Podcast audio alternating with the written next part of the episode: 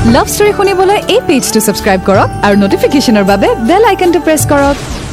আৰু এটা নতুন লাভ ষ্টৰী লৈ মই পাহি আপোনাৰ কাষ চাপিলোহি। আশা কৰোঁ আপোনাৰ ভাল। চ' আহক যাত্ৰা আৰম্ভণি কৰোঁ প্ৰেমৰ।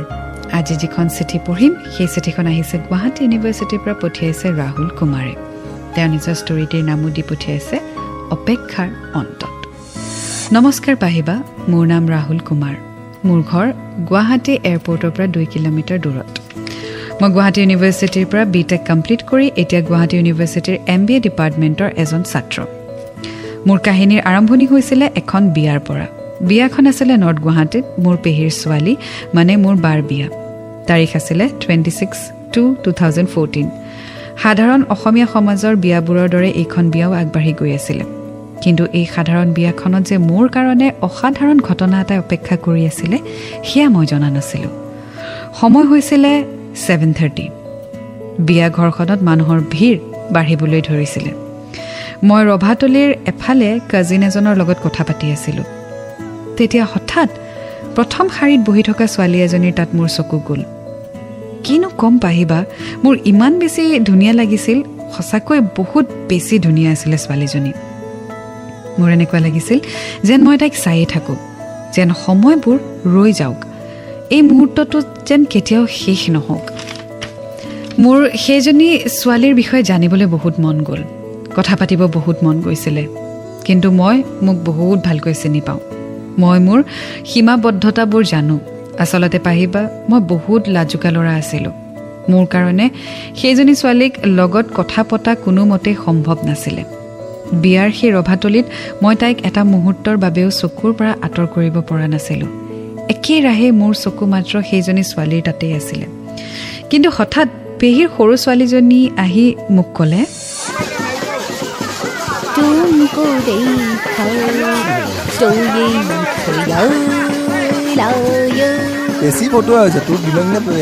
আৰু এটা আৰু এটা। हो गई চিঞৰ, মই दीवाना জোকোৱা নামটো লৈ চিঞৰি দিম চবে গম পাব বিয়া ঘৰত আৰু এটা আৰু এটা আৰু এটা ফালটো নহয় ফালটো নহয় কি নাম চকু যে এনেকে লাগি ধৰিলে মাৰ্বলটোৰ নিচিনা কেলে ল'ৰাৰ নহয় নি সন্দেহ আছে নি তোৰ কিবা ওপৰত মোৰ বা মানে বেলেগ এটা মানে বিয়া ঘৰত মানে তুমি একো দেখাই নাই আৰু ন ভাল লাগিছে আৰু ঘৰৰ বিয়া আকৌ ঘৰৰ মানে মানে মানে এনেকুৱা হৈছে নি চিনেমাৰ নিচিনা মানে কাকো দেখা নাই অৰ্জুনে যেনেকে মাছৰ চকুটো দেখিছিলে তেনেকে তুমি অকল তাইকে দেখি আছা নেকি নহয় অ' বেছি তোৰ ডাইলগটো নামটো কি কওঁ না আহ, নাম ভাল লাগে। লাগিছে এনেই ধুনীয়া লাগিছে নামটো কোৱাৰ বিনিময়ত কিবা এটা লাগিব আহি গ'লি নে উকাদত তহঁতৰ অকল সেইবোৰে আৰু কিবা এটা চব বস্তুৰ বিনিময় বিনিময় চব বস্তুৰ এটা স্বাৰ্থ থাকে মোৰ এইটো ধৰ্ম যে মই তোমাক ক'ম কিন্তু তাৰ সলনি মোৰ কৰ্মটোওতো লাগিব। পাই যাবি পাই যাবি একদম টাইমত পাই যাবি। নামটোতো ক অ প্ৰথমতে প্ৰিয়া অ প্ৰিয়া প্ৰিয়া। প্ৰিয়া। য়েছ প্ৰিয়া। মই যাওঁ মোকোতো লৰাই চাই আছে। অ'কে বাই যা। নামটো জনাৰ পাছত নাজানো কিয় বা প্ৰিয়াক আৰু বেছি ধুনীয়া লাগিছিলে। তাৰ পাছত মই অলপ কামত ব্যস্ত হ'বলগীয়া হ'ল। কামটো সম্পূৰ্ণ কৰি আহি গোটেই ৰভাতলিত প্ৰিয়াক বিচাৰিলোঁ কিন্তু নাপালোঁ। মই গম পালোঁ তাই হেনো ঘৰ গুচি গ'ল। তেতিয়া মোৰ মনটো বেয়া লাগিছিল অলপ। সেইদিনা গোটেই সময় বিয়াৰ ব্যস্ততাৰ মাজতো মাত্ৰ প্ৰিয়াৰ ছবিয়ে ভাহি আছিলে। বিয়াখন ভালে ভালে পাৰ হৈ গ'ল। সকলোবোৰ বহুত ব্যস্ততাত থকা কাৰণে মই কাকো তাইৰ কথা সুধিব পৰা নাছিলোঁ। কিন্তু মোৰ মনত প্ৰতিটো মুহূৰ্ততে মাত্ৰ প্ৰিয়াৰ ছবিয়ে আছিলে। লাজ লাজকৈ বিয়াৰ দুদিন পাছত মই তাইৰ সকলো কথা পেহীৰ সৰু ছোৱালীজনীক সুধিলোঁ। তাই ক'লে তোক মই হেৰিয়ে দিম। দিম বুলি ভাবিছিলো তাৰমানে হেৰি এশ টকা এটা। তোক এতিয়া মই পঁচিছ টকাহে দিম। নালাগে পঁচিছ টকাও নালাগে। তাৰ বাহিৰে আৰু এটা বস্তু দিব পাৰিবি? ভৰিখন পিটিকি দেচোন শিলযোৰ পিন্ধি ইমান ভৰিখন বিষাইছে কৈ দিব নাই বিয়া এঘৰ পিন্ধিবি ওখ কিল মই পিন্ধিব গৈছিলো সঁচাকে চা না কেনেকুৱা ভৰি ফুটি গৈছে মই এটা মৌ দেনা। মালিচ এটা আৰু কিবা এটা আনি দিব পাৰিম। ধুনীয়া বস্তু এটা আনি দিম তোৰ বিষ নাইকিয়া হৈ যাব। খালি মোক বস্তু এটা কৈ দিব লাগিব। তই স্বাৰ্থপৰ যে আকৌ বস্তু দিম বুলি কৈছ মানে তোক আৰু কিবা এটা লাগে হয়নে? ইনফৰমেশ্যনটো কমপ্লিট কৰি দে আধৰুৱা কৰি কেলে থৈছো?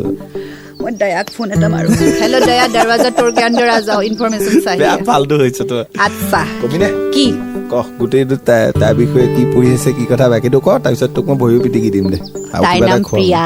সেইটো গম পালো এনে কলি প্ৰিয়া তাইৰ নাম আৰু তাই পঢ়ি আছে ক্লাছ নাইনত নাই ন নাইনত পঢ়ে তাই তাইৰ ঘৰ তাইৰ ঘৰ এই আমাৰ। ঘৰৰ দৰ্জাখনত থিয় হলে। একদম পোনে পোনে যিটো ঘৰ দেখিবি সেইটোৱে তাইৰ ঘৰ। কিমান ওচৰত থাকে গমেই নাপাওঁ যে। এতিয়া পালি নহয়। এতিয়া ভৰিখন পিটিকি দে এতিয়া মোৰ ভৰি বিষাইছে। আৰু ঘৰ কোন কোন থাকে। সেইবোৰ মই পিছত কল আগতে মোক ভৰি পিটিকি। পাঁচ মিনিট কিন্তু। তাৰ পাছত আকৌ জনাম। দে দে পিটিকি দে। আশীৰ্বাদ দিব দে। এতিয়া পজ অ হেৰি লাষ্ট এটা কুৱেশ্যন তাৰপিছত পুৰা দিম এই হেৰি আছে বয়ফ্ৰেণ্ড আছে নে কিমান ধুনীয়াকে চাই আছে কিমান আৰাম পাইছে বয়ফ্ৰেণ্ড নাই।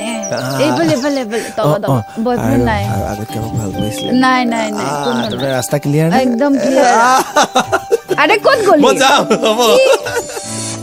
যেতিয়া নাই বুলি গম পালোঁ তেতিয়া মোৰ বহুত বেছি ফূৰ্তি লাগিছিল যিহেতু প্ৰায় এমাহ পিছত মোৰ ইঞ্জিনিয়াৰিং এণ্ট্ৰেঞ্চ এক্সাম আছিলে গতিকে মই বহুত বেছি লাগি নাথাকিলোঁ আৰু সোনকালে ঘৰ আহি নিজৰ পঢ়াৰ কামত লাগি গ'লোঁ।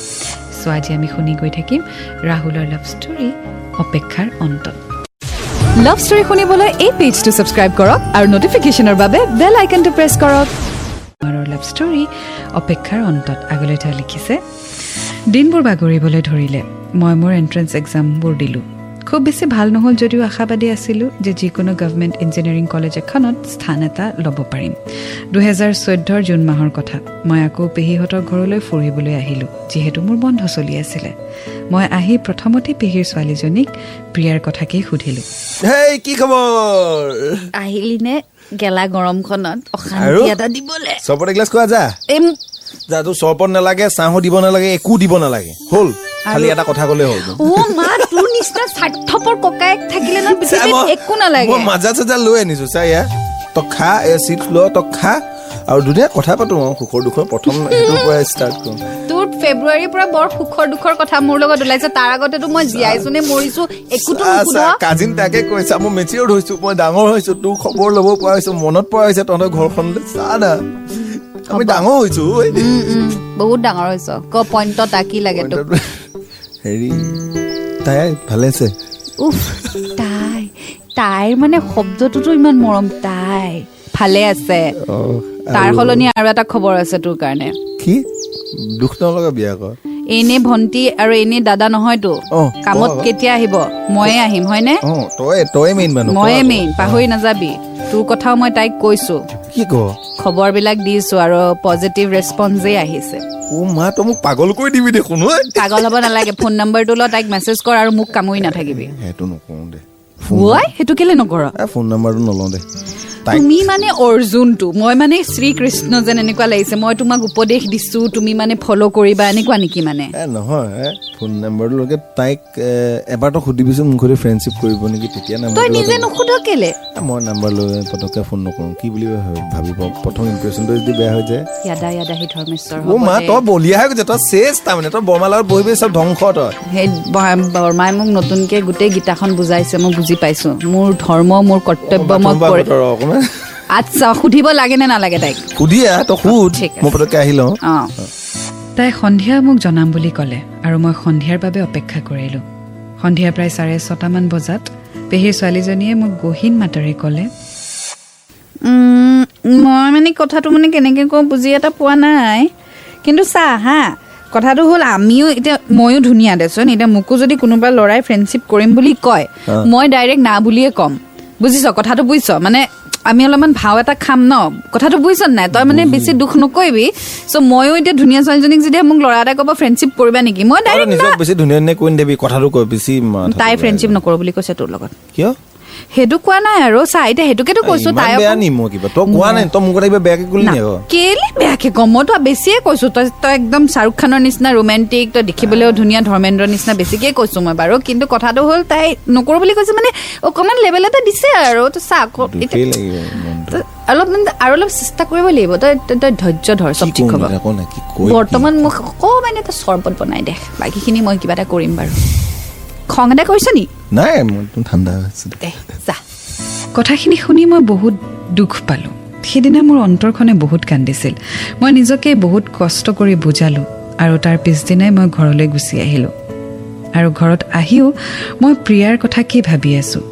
তাই মোৰ ফ্ৰেণ্ডশ্বিপ কিয় একচেপ্ট নকৰিলে? মই ইমানেই বেয়ানে মই কাৰো সৈতে বন্ধুত্বও কৰিব নোৱাৰোঁ নেকি? এইবোৰ প্ৰশ্নই মোক বহুত আমনি কৰিছিল। মই ভাবিছিলোঁ প্ৰিয়া চাগে মোৰ জীৱনৰ আধৰুৱা সপোন হৈ ৰ'ব। দিনবোৰ আকৌ বাগৰিব ধৰিলে। মই দিয়া এণ্ট্ৰেঞ্চ এক্সামবোৰৰ ৰিজাল্ট দিলে। বহুত বেছি ভাল নম্বৰ নাপালোঁ যদিও গুৱাহাটী ইউনিভাৰ্চিটিত স্থান এটা ল'বলৈ সক্ষম হ'লোঁ। চকুত নতুন সপোন লৈ কিবা এটা হোৱাৰ কাৰণে জীৱনৰ নতুন অধ্যায় এটিৰ আৰম্ভণি কৰিলোঁ। তাৰ মাজতো মই প্ৰিয়াক কিন্তু পাহৰিব পৰা নাছিলোঁ। মই তাইৰ খবৰ প্ৰায়ে মোৰ কাজিনজনীৰ পৰা লৈ আছিলোঁ। ৰাহুলে প্ৰিয়াক পাহৰিব পৰা নাই। ক'ৰবাত প্ৰিয়াৰ ইম্পেক্টটো ইমানেই ষ্ট্ৰং আছিলে প্ৰথম ইম্প্ৰেশ্যনেই ইমান ষ্ট্ৰং আছিলে যে তেওঁ প্ৰিয়াক পাহৰিবই পৰা নাই। প্ৰিয়াৰ বাবে ফ্ৰেণ্ডশ্বিপৰ প্ৰপ'জেলো পঠিয়ালে বাট প্ৰিয়াই ৰিজেক্ট কৰিলে। চ' আগলৈ কি হয় জানিবলৈ অকণমান অপেক্ষা কৰক। আজি শুনি আছোঁ ৰাহুল কুমাৰৰ লাভ ষ্টৰী অপেক্ষাৰ অন্ত। আগলৈ তেওঁ লিখিছে এদিন এনেকৈয়ে প্ৰিয়াৰ খবৰ সোধোতে মোৰ কাজিনে ক'লে ক? তাইৰ বয়ফ্ৰেণ্ড আছে। মানে মই তাইক ডাইৰেক্টলি ক'লোঁ তোৰ কথাখিনি তেতিয়া তাই মানে এইটো কাৰণেই কৈছে যে ফ্ৰেণ্ডশ্বিপ নকৰে কাৰণ তাইৰ বয়ফ্ৰেণ্ড আছে তাই ৰিলেশ্যনশ্বিপত আছে সেইকাৰণে। হ'ব দে টেনশ্যন নল'বি। তইতো কৈছিলি বয়ফ্ৰেণ্ড নাই বুলি মই এনেই ভাবত ইমান ভালকে জনা নাছিলো ৰিচেণ্টলি হ'ল। ঘৰতো লগৰ হয় তোৰ ঘৰৰ ইপাৰে তই ভালকে নজনাকে এনেই মোক এই কল্পনা আমাৰো কিবা চামাৰ ভেকেশ্যন চলি থাকে নাই নেকি? এই চামাৰ ভেকেশ্যনৰ টাইমত তাই কি কৰিছে থৰি না মই বাৰাণ্ডাত গৈ গৈ সুধি থাকিম। হ'ব তই টেনশ্যন নল'বি হ'ব দে অকমান মোক পাঁচ মিনিট মান অকলে দে এনেই দুখ লাগিছে খং। এটা কৰিছা নি খং নাই কৰা এনেই মন ভাবি দিওঁ ন কিবা কিবি মনটো পগলা নহয় ঠিক আছে মই অলপ পিছত আহিম দে এইবোৰ কথা শুনি মই একেবাৰে ভাগি পৰিছিলোঁ হৃদয়ৰ কোনোবা এটা কোণত জ্বলি থকা প্ৰেমৰ শলিতাডাল যেন নুমাবলৈ ধৰিছিল মোৰ জীৱনৰ পৰা কিবা এটা সুখ নোহোৱা হৈ যোৱাৰ দৰে লাগিছিল তাই বেলেগ কোনোবা ল'ৰা এজনৰ ওচৰ চপাটো মোৰ সহ্য হোৱা নাছিল তথাপিতো মই নিজকে আকৌ বুজাবলৈ সক্ষম হ'লোঁ যে সেইজন ল'ৰা কোনোবা ফ্ৰেণ্ডো হ'ব পাৰে। এইখিনি সময়তে মোৰ গুৱাহাটী ইউনিভাৰ্চিটিত নতুন জীৱনৰ আৰম্ভণি হৈ আছিলে। নতুন ফ্ৰেণ্ড বহুতো হ'ল।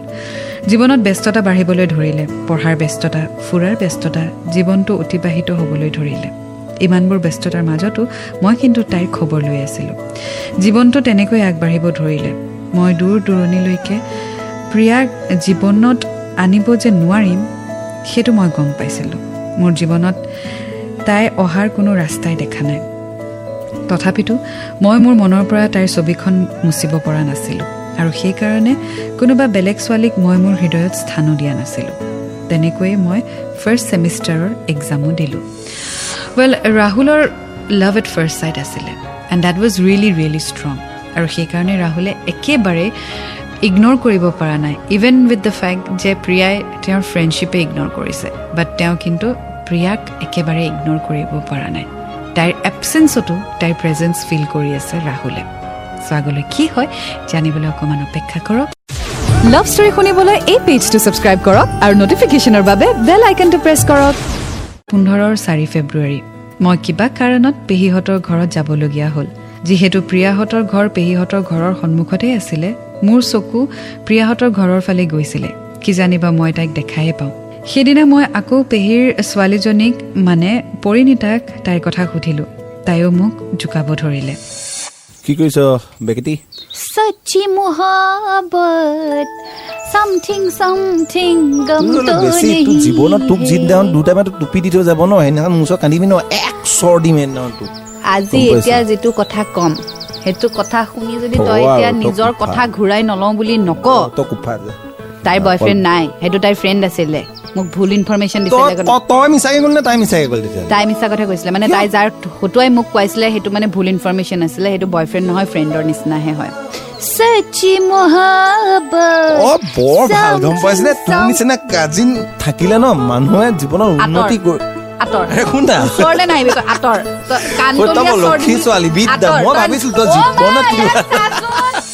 মই বহুত বেছি আশা কৰা নাছিলোঁ। মই প্ৰিয়াই আগৰ উত্তৰটোৱে দিব বুলি চিয়'ৰ আছিলোঁ। কিন্তু পাহিবা তেনেকুৱা নহ'ল। এইবাৰ তাই মোৰ লগত ফ্ৰেণ্ডশ্বিপ কৰিম বুলি ক'লে আৰু এছ এম এছ কৰিব বুলি ক'লে। মই একো বুজাব নোৱাৰোঁ পাহিবা মোৰ কিমান বেছি ভাল লাগিছিল। মই পেহীৰ ছোৱালীজনীক বাৰে বাৰে সুধিছিলোঁ সঁচাকৈ তাই তেনেকৈ কৈছে নে তাই ধেমালি কৰিছে? মোৰ নিজৰে বিশ্বাস হোৱা নাছিলে। মই আনন্দত আত্মহাৰা হৈছিলোঁ। সেইদিনা গধূলি মই পেহীৰ ছোৱালীজনীৰ পৰা প্ৰিয়াৰ নাম্বাৰটো ল'লোঁ আৰু এছ এম এছ কৰিলোঁ। অকণমান সময় কথা পাতিলোঁ। বাছ তেনেকৈ আগবাঢ়িলে। দিনটোত বহুত বেছি কথা নাপাতিলেও সদায় এটা হ'লেও এছ এম এছ আহিছিল। আমাৰ মাজৰ কথাবোৰ অলপ আগবাঢ়িবলৈ ল'লে। মই মাজে মাজে তাইৰ সেই ফ্ৰেণ্ডজনৰ কথা সোধোঁ। কিন্তু তাই সেই কথাটো সলনি কৰি দিয়ে। মই তেতিয়া বুজিবলৈ আৰম্ভণি কৰিছিলোঁ যে সকলোবোৰ ইমান সহজ হৈ থকা নাই। মই লাহে লাহে ইংগিতৰ জৰিয়তে তাইক বুজাবলৈও চেষ্টা কৰিছিলোঁ যে মোৰ মনত তাইৰ প্ৰতি কি ভাৱ আছে। তাইও লাহে লাহে বুজি পাইছিল যে মই তাইক মাত্ৰ এজনী বান্ধৱী বুলি নাভাবোঁ। তেনেকৈ আমি প্ৰায় তিনি মাহমান কথা পাতিলোঁ। মই তেতিয়ালৈকে প্ৰিয়াৰ মনটো বুজিব পৰা নাছিলোঁ যে তাই মোৰ প্ৰতি কি ভাৱ আছে। যিহেতু তাই ক্লাছ টেনত পঢ়ি আছিল গতিকে মই প্ৰপ'জ দিয়াৰ কথাও মনত অনা নাছিলোঁ। আৰু মই তেতিয়ালৈকে ইমানখিনি সাহসো কৰা নাছিলোঁ যে তাইক মই মোৰ মনৰ কথা খুলি ক'ম। কিন্তু তাইৰ লগত কথা পতাৰ পাছত মোৰ প্ৰিয়াৰ প্ৰতি থকা ভালপোৱা বহুত বেছি বাঢ়ি গৈছিলে। মই মোৰ জীৱনটো লাহেকৈ তাইৰ অবিহনে কল্পনা কৰিব নোৱাৰা হৈ আহিছিলোঁ। সেই সময়ত যিহেতু এদিনত এশটা মেছেজ কৰিব পাৰি তাই মোক লাহে লাহে বিছটামান মেছেজ কৰিবলৈহে ধৰিলে। সেইদিনাৰ এছ এম এছ লিমিট শেষ হৈ যোৱা বুলি তাই ক'লে। আগতেও তেনেকুৱা মাজে মাজে কৰিছিল কিন্তু হঠাৎ বেছিকৈ কৰিবলৈ ধৰিলে। ময়ো সোধা নাছিলোঁ কেতিয়াও যে বাকী আশীটা এছ এম এছ কাক দিয়ে কিন্তু মোৰ বুজিবলৈ বাকী নাছিলে। মোৰ এইবোৰ কাৰণক লৈ অশান্তি বাঢ়িবলৈ ধৰিলে কিন্তু মোৰ তাইৰ প্ৰতি সন্মান আৰু ভালপোৱা কেতিয়াও কমা নাছিলে। ৱেল ৰাহুল খুব বেছি ট্ৰু আছিলে নিজৰ ফিলিংছক লৈ। He was very sure what he wanted তেওঁ প্ৰিয়াক বিচাৰিছিলে আৰু সেই কথা প্ৰিয়াক ইনডাইৰেক্টলি তেওঁ বুজাইছিল। কিন্তু প্ৰিয়াৰ পৰা তেওঁ সিমানখিনি সঁহাৰি পোৱা নাছিলে যিমানখিনি পাব লাগে। কিন্তু তেওঁ প্ৰিয়াক ফ'ৰ্চো কৰা নাছিলে। চুপচাপ মনে মনে যিটো আহিছে সেইটোৱে তেওঁ লৈছে। কাৰণ প্ৰিয়াক তেওঁ সন্মান কৰিছিলে। আগলৈ তেওঁ লিখিছে বিছ মে' দুহেজাৰ পোন্ধৰ মই এই দিনটো কেতিয়াও পাহৰিব নোৱাৰোঁ। গধূলি চাৰে ছটামান হৈছিলে। মই পঢ়া টেবুলত বহিব ওলাইছিলোঁ। সেই সময়তে মোৰ মোবাইলটোৰ এছ এম এছ অহা টোনটো বাজি উঠিলে। মই মোবাইলটো চালোঁ। প্ৰিয়াৰ এছ এম এছ মনটো ভাল লাগিলে। মই এছ এম এছটো হাঁহি হাঁহি অ'পেন কৰিলোঁ আৰু পঢ়িবলৈ ল'লোঁ। ৰাহুল আশা কৰোঁ তুমি মোক ভুল নুবুজিবা। মই তোমাৰ লগত আৰু কথা পাতিব নোৱাৰিম কাৰণ আমি কথা পতাটো সি একদম ভাল নাপায়। হয় ৰাহুল সি মোক প্ৰপ'জ কৰা এমাহমান হ'ল আৰু ময়ো একচেপ্ট কৰিলোঁ। আশা কৰোঁ তুমি মোক বুজি পাবা আৰু প্লিজ মোক আৰু এছ এম এছ নকৰিবা। মই মোৰ লগত কি হ'ল ধৰিবই পৰা নাছিলোঁ পাহিবা। হঠাৎ যেন অন্ধকাৰ নামি আহিল জীৱনলৈ। মই নিজকে চম্ভালিব পৰা নাছিলোঁ। মোৰ চকুৰে চকু পানী টেবুলখনত টুপ টুপকৈ পৰি আহিছিল। মই ৰিপ্লাই দিব খুজিছিলোঁ যে ইমান দিন হিণ্ট দিয়াৰ পাছতো তুমি এবাৰ কিয় নকলা যে আমাৰ দুয়োৰে একো হ'ব নোৱাৰে। মই বাৰ বাৰ সোধাৰ পাছতো সেইজন ল'ৰা জাষ্ট ফ্ৰেণ্ড বুলিয়ে মোক কিয় কৈছিলা? আৰু আমি যদি ফ্ৰেণ্ডেই আছিলোঁ তেতিয়াহ'লে আগলৈ এজন ভাল ফ্ৰেণ্ড হৈ কিয় থাকিব নোৱাৰিম? কেনেকৈ তুমি ইমান সহজতে এটা ৰিলেশ্যনশ্বিপ এটা এছ এম এছৰে শেষ কৰিবা? কিন্তু মোৰ এইবোৰ কথা সুধিবলৈ একেবাৰেই সাহস নাছিলে। গতিকে মই একো নুসুধি ৰিপ্লাই এটা দিলোঁ যে তুমি যদি তাৰ লগত সুখী হ'ব পাৰিম বুলি ভাবিছা তেতিয়াহ'লে সকলোতকৈ সুখী হ'ম মই। হ'ব দিয়া। তুমি চিন্তা নকৰিবা মই তোমাক আৰু মেছেজ নকৰোঁ। মই প্ৰাৰ্থনা কৰিম তুমি যাতে সদায় সুখী থাকা। Bye wish you a very happy life মই মোৰ চকু পানী মোচাৰ বাদে একো কৰিব পৰা নাছিলোঁ। মই অস্থিৰ হৈ পৰিছিলোঁ। মই মানুহজন আগৰ দৰে হ'ব পৰা নাছিলোঁ। ইমানবোৰ হোৱাৰ পাছতো কিয় নাজানো মই তাইক খং কৰিব পৰা নাছিলোঁ। বেয়া পাব পৰা নাছিলোঁ। মোৰ হাতত অপেক্ষা কৰাৰ বাবে একো ৰাস্তা নাছিলে। চ' প্ৰিয়াই ফাইনেলি ৰিলেশ্যনশ্বিপ কাট অফ কৰি ল'লে it was a friendship but এজন ল'ৰাৰ বাবে তেওঁ ফ্ৰেণ্ডশ্বিপো ভাগি পেলালে কিছু কুৱেশ্যনছ ৰাহুলৰ আছিলে মাইণ্ডত কিন্তু তেওঁ প্ৰিয়াক নুসুধিলে এতিয়া ভাল কৰিলে নে বেয়া কৰিলে সেয়া আমি গম পাম যেতিয়া আগুৱাই গৈ থাকিম আজি ষ্টৰীৰ সৈতে শুনি আছোঁ আজি ৰাহুল কুমাৰৰ লাভ ষ্টৰী অপেক্ষাৰ অন্তত আগলৈ তেওঁ লিখিছে লাহে লাহে দিনবোৰ যদিও আগবাঢ়িবলৈ ধৰিলে মই কিন্তু তাইক একেবাৰেই পাহৰিব পৰা নাছিলোঁ। আজিও ভালকৈ মনত আছে একৈছ জুলাই দুহেজাৰ পোন্ধৰ। প্ৰিয়াৰ জন্মদিন আছিলে আৰু মই ধুনীয়াকৈ উইচ কৰিছিলোঁ। দুমাহৰ মূৰত মই তাইক এছ এম এছ কৰিছিলোঁ কিন্তু তাইৰ একো ৰিপ্লাই নাহিলে। মই ভাবিলোঁ তাই নিজৰ পৃথিৱীখনত লৈ চাগে বহুত বেছি ব্যস্ত হৈ পৰিছে গতিকে মই আৰু দিগদাৰি নিদিলোঁ। লাহে লাহে সকলোবোৰ মেমৰিজ যেন হৃদয়ৰ কোনোবা এটা কোণাত আবদ্ধ হ'বলৈ ধৰিলে আৰু লগতে ইঞ্জিনিয়াৰিং লাইফৰ ব্যস্ততাই বাৰুকৈ আগুৰি ধৰিলে। দিন মাহলৈ পৰিৱৰ্তন হ'ল আৰু মাহ বছৰলৈ। তাইৰ কোনো খবৰ অহা নাছিলে। ইয়াৰ মাজত প্ৰিয়াৰ এইচ এছ এল চি ৰিজাল্টটো গম পালোঁ পেহীৰ ছোৱালীজনীৰ পৰাই। তাই চাৰিটা ছাবজেক্টত লেটাৰ মাৰ্কছ পাইছে আৰু ট'টেল ছেভেণ্টি নাইন পাৰ্চেণ্ট পাইছিলে। সেইদিনা সঁচাকৈ বহুত সুখী হৈছিলোঁ। মই যে এজনী ভাল আৰু টেলেণ্টেড ছোৱালীক ভাল পাওঁ তাকে ভাবিয়ে মোৰ মনটো ভাল লাগিছিল। টু থাউজেণ্ড ছিক্সটিনৰ একৈছ জুলাই তাইৰ জন্মদিন। মই আকৌ উইচ কৰিলোঁ কিন্তু একো ৰিপ্লাই নাপালোঁ। পাছতহে গম পালোঁ যে তাই হেনো নাম্বাৰেই চেঞ্জ কৰিছিল। তাইৰ একমাত্ৰ এখনেই ফটো আছিলে যিখন মোক পেহীৰ ছোৱালীয়ে দিছিলে। সেইখনে প্ৰায়ে চাইছিলোঁ। দুহেজাৰ সোতৰৰ পাছত মই আৰু তাইৰ কথা ভবা বন্ধ কৰিবলৈ ল'লোঁ। যদিও মোৰ হৃদয়ৰ কোনোবা এটা কোণত তাইৰ মেমৰি এতিয়াও আছে। পাহিবা সঁচাকৈ জীৱনত কেতিয়াবা এনেকুৱা পৰিস্থিতি আহি যায় এনেকুৱা ঘটনা ঘটি যায় যে যিটোৰ বাবে আমি হয়তো কেতিয়াও ৰৈ নাথাকোঁ। আৰু ভগৱানেও চাগে নিজৰ স্থিতি দেখুওৱাৰ বাবে এনেকুৱা চমৎকাৰ সংঘটিত কৰায়। হয় এনেকুৱা এটা ঘটনা মোৰ লগতো হৈছিলে।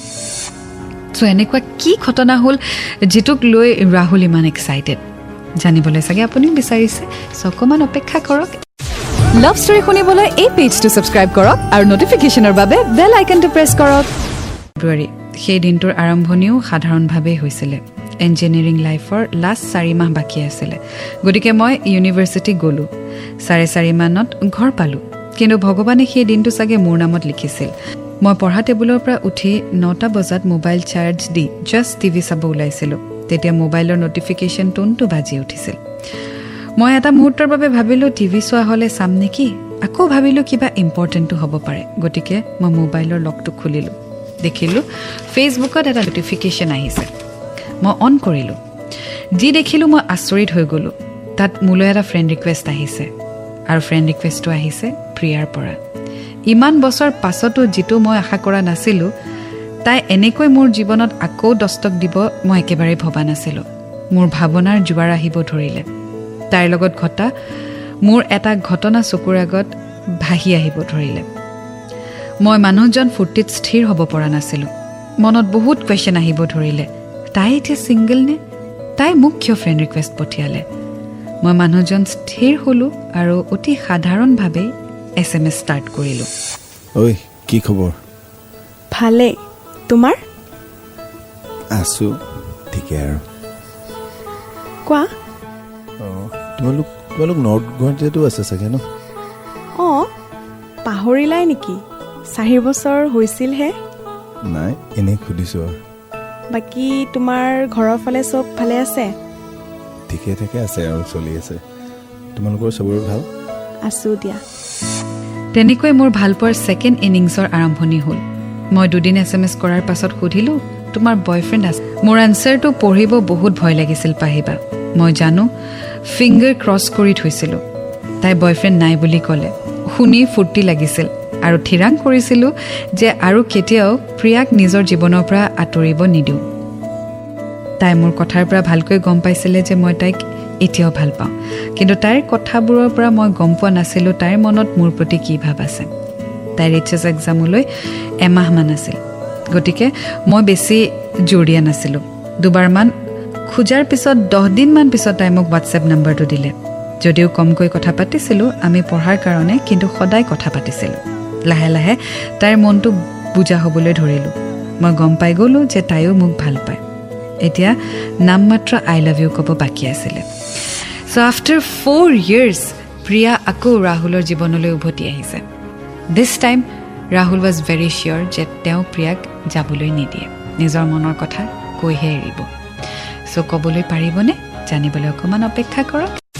লাভ ষ্টৰী শুনিবলৈ এই পেজটো ছাবস্ক্ৰাইব কৰক আৰু নটিফিকেশ্যনৰ বাবে বেল আইকনটো প্ৰেছ কৰক। এক্সামৰ পিছত কিবা এটা ডাঙৰ কথা ক'ম। তাই মোক বহুতবাৰ সুধিলে কিন্তু মই এক্সাম শেষ হোৱালৈ বাট চালোঁ। এক্সামৰ দিন আহিলে। ভালকৈ এক্সামবোৰো দিলে আৰু এক্সাম শেষো হ'ল। সেইদিনা ৰাতি তাই মোক সুধিলে হেল্ল' অহ কোৱা। উফ আৰু ন? উফ মানে? শেষ যে হ'ল? আজি চাগে জপিয়াই দিছে চাগে ন? ইমান দিন ইমানো জপিওৱা নাই পৰিলে মোৰে ভৰিখন ভাঙিব। কোৱা সেই কথাটো কোৱা আকৌ। তুমি যেন মোলৈহে বাট চাই আছা যেন মই কথাটো কম বুলি তাই বাট চাই আছে। তুমি কৈছিলা ন পৰীক্ষা শেষ হ'লে ক'বা বুলি। ফোনটো মই কৰিছো ইমান যদি জানিব মন আছিলে ফুটা নকৰিলে কিয় মই? জানোৱে ন তুমি কৰিবা বুলি এতিয়া কোৱা। তেতিয়াহ'লে এইটো জানা চাগে মই কি ক'ম বুলি ভাবিছিলো তোমাক কোৱাচোন। তুমি জানা নে নাজানা সেইটো কোৱা? নেজানো মই কোৱা। কি ক'ম আৰু ক'বলৈতো ভাবিছিলোঁ তুমি চাগে গম পাই চাই গোটেইখিনি কথা। চাৰি চাৰি বছৰ তোমাৰ কাৰণে বাট চাইছোঁ প্ৰতিটো দিন বাট চাওঁ। তুমি মোক ষ্টেটাছ চাইছা নেকি আনব্লক কৰিছা নেকি? তো মানুহ চাগে বহুত ভাবিলোঁ ল'ৰাটো ভুল হ'ব বেয়া হ'ব কিন্তু কোনোবা এটা হেৰি বিশ্বাস এটা আছিলে আৰু কি? বাৰু এইবোৰ বকি নাথাকোঁ তাৰমানে তাৰমানে মই তোমাক ভাল পাব বিচাৰোঁ তুমি সন্মতি দিবা নেকি মোক? তাৰমানে মই জীৱনটো তোমাৰ লগত থাকিব বিচাৰোঁ। তুমি এটা কথা কোৱাচোন। তুমি চাৰি বছৰ ৰৈছা মানে কেনেকে পাৰিছা কেনেকে তুমি? সেইটো তুমিয়ে জানিবা। কি এনেকুৱা কৰিলে চাৰি বছৰ তোমাৰ কাৰণে ৰৈ থাকিব লগা হ'ল মই কেনেকৈ ক'ম নো মানে চিৰিয়াছলি মানে মই উত্তৰটো দিবা নে হেৰি কৰিবা আহিছে? উত্তৰটো জানি চাই চাগে আৰুনো কি কওঁ? ইমান দিন ৰৈ কিবা এটা আনচাৰ এটা শুনিব পালে ভাল মনটো ভাল লাগিব ন? ইমান দিন কথা পাতিলোঁ বা তেনেকুৱা ইমান দিন ৰলা মোলে। নাজানো কিয় লাহে লাহে মানে তোমাৰ প্ৰতি তেনেকুৱা ভাৱ এটা আহিছে। এতিয়াও বাকী আছে নি তাৰমানে? কি নাই নাই নাই নাই নাই যদি বাকী লাগে নাই। কোৱা, আৰু নাই, দুবছৰমান নাই, লোৱা, আৰে মোৰ লগত নালাগে ইমান আৰে problem নাই। নালাগে নালাগে। আই লাভ ইউ এই কথাষাৰ শুনিবৰ কাৰণে পাহিবা মই চাৰি বছৰ অপেক্ষা কৰিছিলোঁ। প্ৰিয়াক পুনৰ লগ পোৱাৰ আশাৰে চাগে জীয়াই আছিলোঁ। এতিয়া নিজকে সম্পূৰ্ণ হোৱা যেন লাগিছে। কাৰোবাক নিস্বাৰ্থভাৱে ভাল পালে সেইজন আপোনাৰেই হ'ব। এই কথাষাৰ সঁচা বুলি প্ৰমাণিত হ'ল। মই লাহে লাহে তাইৰ আগত বয়ফ্ৰেণ্ডৰ কথাবোৰ সুধিলোঁ। গম পালোঁ তেওঁলোকৰ ৰিলেশ্যনশ্বিপ বেছি দীঘলীয়া নাছিলে। সি ল'ৰাজন ইমান ভাল নাছিলে। আমাৰ এক্সামৰ ৰিজাল্টটো দিলে। তাই বহুত ভাল ৰিজাল্ট কৰিলে। এইটি এইট পাৰ্চেণ্ট লৈ তাই পাছ কৰিলে। আৰু এছ এম এছত অসমৰ ভিতৰতে থাৰ্ড হায়েষ্ট নম্বৰ পালে। সেইদিনা তাইতকৈ বেছি মোৰ ফূৰ্তি লাগিছিলে।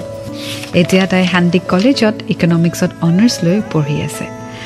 তাই ষ্টৰিটো মোক লিখিবলৈ কৈছে আৰু ঠিক ময়ো এনেদৰে ষ্টৰিটো লিখি আপোনালৈ পঠিয়ালোঁ। আমাৰ মাজৰ ভালপোৱা বাঢ়ি বাঢ়ি কিমান পাইছে আমিও নাজানো কিন্তু আমি আমাৰ মা দেউতাৰ প্ৰতি থকা দায়িত্ব বহুত ভালকৈ বুজি পাওঁ। এতিয়াও আমাৰ ভালপোৱাৰ নামৰ গাড়ীখন সুকলমে চলি গৈ আছে। আমি দুয়ো অতি আগ্ৰহেৰে বিয়া নামৰ ষ্টপেজলৈ বাট চাই আছোঁ। পাহিবা আমি দুয়ো অতি উৎসাহেৰে আপুনি আমাৰ ষ্টৰিটো পঢ়ালৈ ৰৈ আছোঁ। এতিয়া আপোনাৰ নিয়মীয়া শ্ৰোতা Rahul Kumar. Well thank you so' much Rahul for sharing your story and yes যদি ভালপোৱাত বিশ্বাস থাকে তেতিয়াহ'লে definitely happiness will come to you but happiness এইটো নহয় যে তোমাৰ লাভে তোমাক ৰেচিপ্ৰকেট কৰিব। এইটো আপোনাকো কৈছোঁ। ট্ৰু লাভ মানে হেপিনেছ আপুনি পাবই। বাট হেপিনেছ মানুহজনৰ সৈতে পাব নে মানুহজন নোহোৱাকৈ পাব সেইটো সময়তহে গম পাব। মই কি বুজাব বিচাৰিছোঁ? যে আপোনাৰ প্ৰেম যদি সঁচা আৰু আপোনালৈ যদি সেই প্ৰেম নাহে দেট ডাজেণ্ট মিন যে আপুনি কেতিয়াও লাইফত হেপ্পী হ'ব নোৱাৰে। সেই প্ৰেম নহাৰ বাবে হয়তো আপোনাৰ জীৱনত এনেকুৱা প্ৰেম আহিব যিটোক লৈ চাগে আপুনি খুব প্ৰাউড ফিল কৰিব। So' these are stages of life you have to wait for the right time আৰু সদায় কয় যি হয় ভালৰ কাৰণেই হয়। এতিয়া বিদায় লৈছোঁ। এটা নতুন ষ্টৰীৰ সৈতে আকৌ লগ পাম। Until then to fall in love it's a great feeling you will get to learn a lot and always remember I love you love story শুনিবলৈ এই পেজটো ছাবস্ক্ৰাইব কৰক আৰু নটিফিকেশ্যনৰ বাবে বেল আইকনটো প্ৰেছ কৰক।